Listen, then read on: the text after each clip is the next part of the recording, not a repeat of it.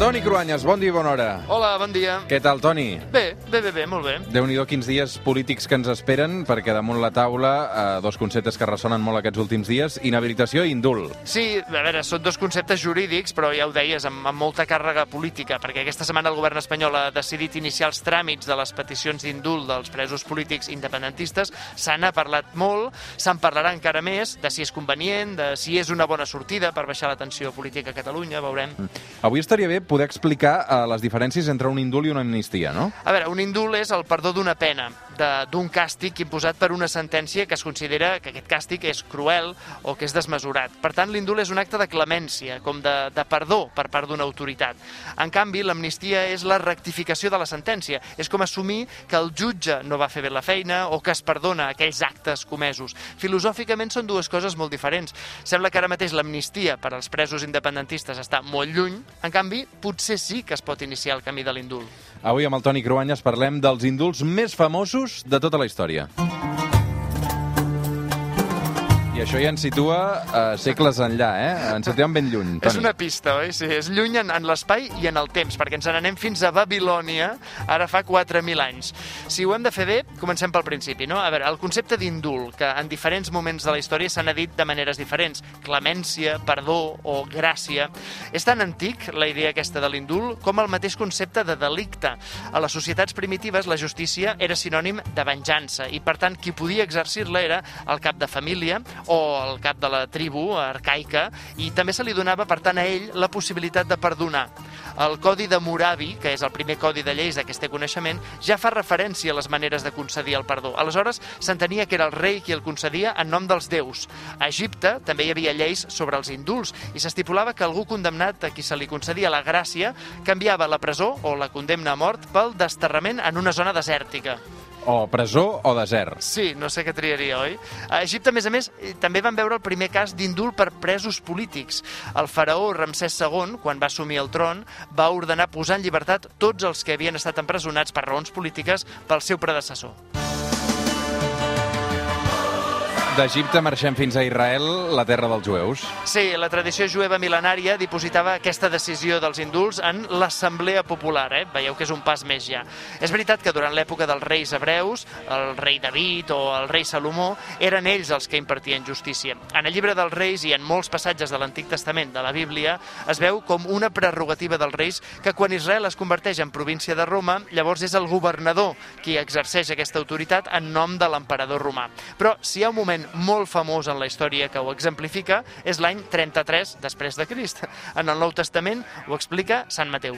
És un dels moments més coneguts de la vida de Jesucrist. Sí, és el moment en què Pons Pilat intenta evitar la condemna de Jesús, però no se'n surt. No sabem si va ser una llicència literària de Sant Mateu, però se suposa que el governador romà de Jerusalem va buscar una sortida política davant d'un cas que no tenia res de criminal. Jesús no era un criminal. Però el senedrí religiós dels jueus insistia que s'havia de condemnar a mort Jesús per blasfem, perquè amb la seva prèdica estava posant en entredit el dogma de fe jueu. Però, és clar, d'una banda hi havia la jerarquia religiosa, però també de l'altra, una multitud de gent que seguia les ensenyances pacífiques de Jesús.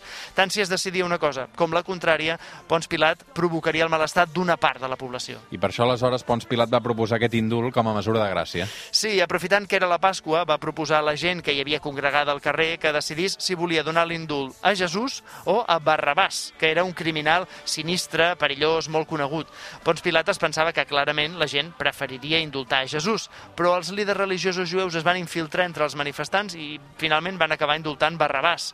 S'ha de dir que amb aquest exemple, molt conegut, el concepte d'indult va convertir-se en impopular a dins de l'Església cristiana. Així que durant segles es va invocar l'exemple negatiu de Barrabàs per evitar molts indults.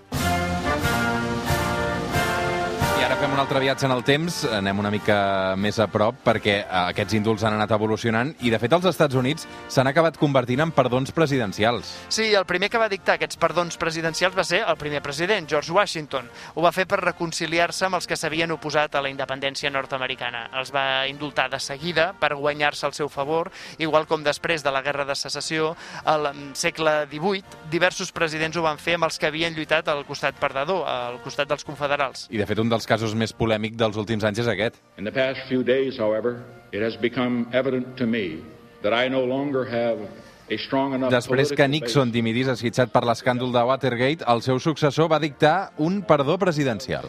Gerald Ford va concedir-li un perdó complet, lliure i absolut per totes les ofenses que hagués pogut fer contra els Estats Units. Era així, literal, eh? Alguns historiadors diuen que si Nixon va accedir a dimitir l'any 1974 va ser precisament a canvi d'un indult. De fet, Nixon s'hauria pogut atrinxerar a la Casa Blanca. Legalment ningú l'obligava a res. Segurament el procés d'impeachment hauria estat molt dur, hauria dividit la societat societat. Per això Gerald Ford va justificar l'indult com una manera de tancar les ferides. En tot cas, l'indult a Nixon va ser tan impopular que es creu que la derrota electoral de Gerald Ford l'any 1976 va ser precisament per aquest indult, per això. El 4 de desembre de 1983, uns desconeguts segrestaven Segundo Marell en aquesta casa del carrer Purdi I un dels indults més coneguts, en aquest cas a l'Estat, és el cas del GAL i l'anomenat terrorisme d'Estat. Sí, la llei de regles per l'exercici de gràcia d'indult, és com es diu, encara està en exercici, és una llei del 1870, 150 anys després. A partir d'aquesta llei, el govern de José María Aznar, l'any 1998, va indultar l'exministre de l'Interior, José Barrio Nuevo, i també el seu secretari d'Estat de Seguretat, Rafael Vera, tots dos socialistes. Ells, eh, tots dos, i també vuit alts càrrecs més, van ser condemnats pel segrest del ciutadà francès Segundo Marell, ara sentíem la notícia d'aquella època, l'havien confós per un dirigent d'ETA. Sempre hi va haver la sospita que era una operació d'estat contra el terrorisme d'ETA i que fins i tot Felipe González n'estaria al corrent. ¿Y si se demuestra que el gobierno ha participado de alguna manera en la creación de los GAL? Y yo contesté, mire usted, esa es una hipótesis imposible.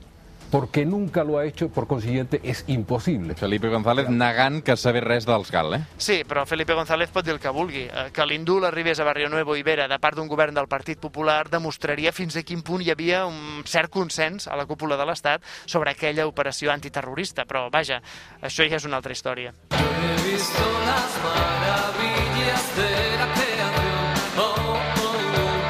Avui arribarem a les 9 del matí amb un clàssic de l'Espanya dels 80, eh, l'último de la fila, en aquest cas Quimi Portet i Manolo García, amb una cançó que es titula Lejos de las leyes de los hombres. Toni Cruanyes, bon diumenge. Que vagi bé.